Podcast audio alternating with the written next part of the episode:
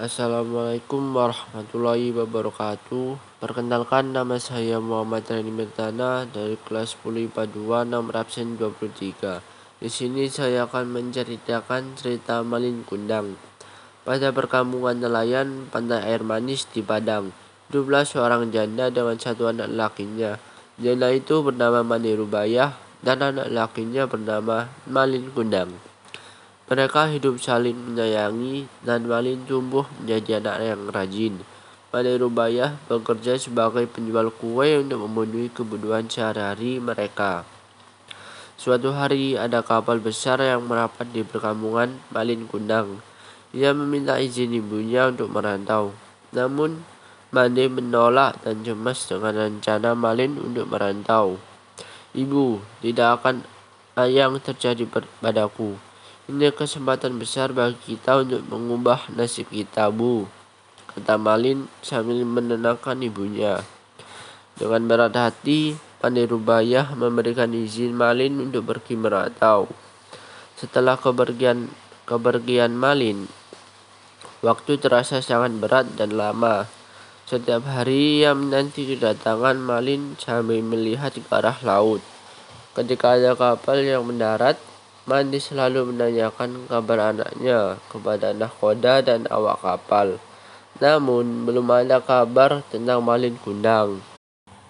Waktu berlalu, Mandi Rubayah mendapatkan kabar bahwa Malin telah memiliki istri cantik dan putri seorang bangsawan. Mandi Rubayah yang sudah semakin tua merasa sangat senang berharap Malin segera mengunjunginya. Tibalah saatnya. Sebuah kapal mewah merapat di perkampungan Mandi. Di anjuran kapal berdiri sepasang anak muda dengan pakaian yang berkilau. Melihat pemuda itu, Mandi sangat yakin bila itu adalah anaknya. Segeralah Mandi merangkul anak lelakinya yang sangat dirindukan. Malin sangat terkejut dengan ada wanita tua yang berpakaian compang-camping merangkulnya. Istri Malin juga sangat terkejut dan tidak percaya bahwa wanita itu adalah ibunya. Apakah wanita jelek ini ibu? Tanya istri Malin dengan ekspresi jijik. Bukankah dulu kau bilang kepadaku bahwa ibumu juga seorang bangsawan yang sama denganku? Kata istri Malin keheranan. Mendengar pertanyaan istrinya yang seperti itu, Malin langsung mendorong ibunya hingga jatuh ke lantai. Bukan, dia bukanlah ibuku, kata Malin.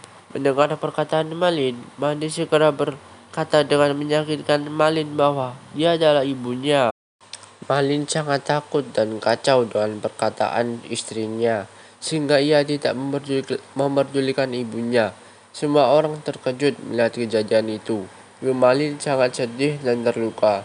Ia jatuh pingsan dan ketika sadar sudah tidak ada kapal dan gerombolan orang seperti sedia kala. Dengan menatap penuh kesedihan, melihat kapal Malin pergi menjauh ibu.